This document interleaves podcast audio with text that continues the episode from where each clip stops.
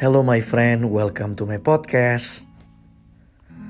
Renungan hari ini judulnya adalah Proses Keselamatan.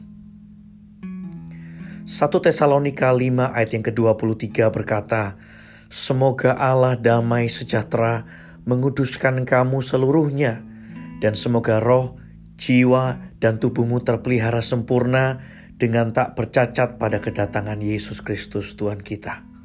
Amin. Ketika seseorang menerima Yesus sebagai Tuhan dan Juru Selamat, maka sejak saat itu Roh Kudus hinggap dan dimateraikan sebagai jaminan untuk keselamatan.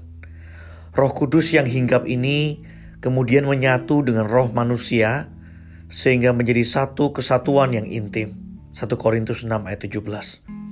Namun dalam hal ini kita perlu memisahkan dimensi roh dan dimensi jiwa seorang manusia Seseorang yang berkata dirinya sudah diselamatkan sebenarnya masih harus menempuh perjalanan panjang proses pengudusan jiwa yang dalam hal ini berkaitan dengan karakter, perilaku, kesucian hidup dan pengenalan yang benar tentang Allah melalui pengalaman.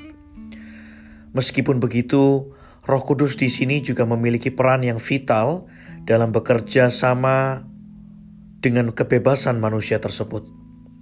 Sehingga kedaulatan Tuhan dan kebebasan manusia melebur menjadi sebuah hubungan paket lengkap yang saling melengkapi. Inilah kenapa seseorang harus memahami bahwa undangan Tuhan kepada manusia untuk diselamatkan hanya bisa terjadi ketika manusia dengan sengaja meresponi dengan memilih untuk percaya. Jadi, secara garis besar adalah sepanjang hidup ini kita akan disodorkan Tuhan segala macam kejadian dan peristiwa yang bisa membuat manusia jiwa kita diperbaharui dan didewasakan. Inilah yang sebenarnya harus menjadi perjuangan kita sebagai orang-orang yang terpanggil, bahwa semakin lama kita semakin membersihkan seluruh pengaruh manusia lama dan potensi dosa yang masih aktif. 2 Korintus 7 ayat yang ke-1 di mana tujuan pastinya adalah keserupaan seperti Yesus. My friend, bersyukurlah atas setiap proses, karena semuanya adalah cara Tuhan menguduskan kita. Let's pray.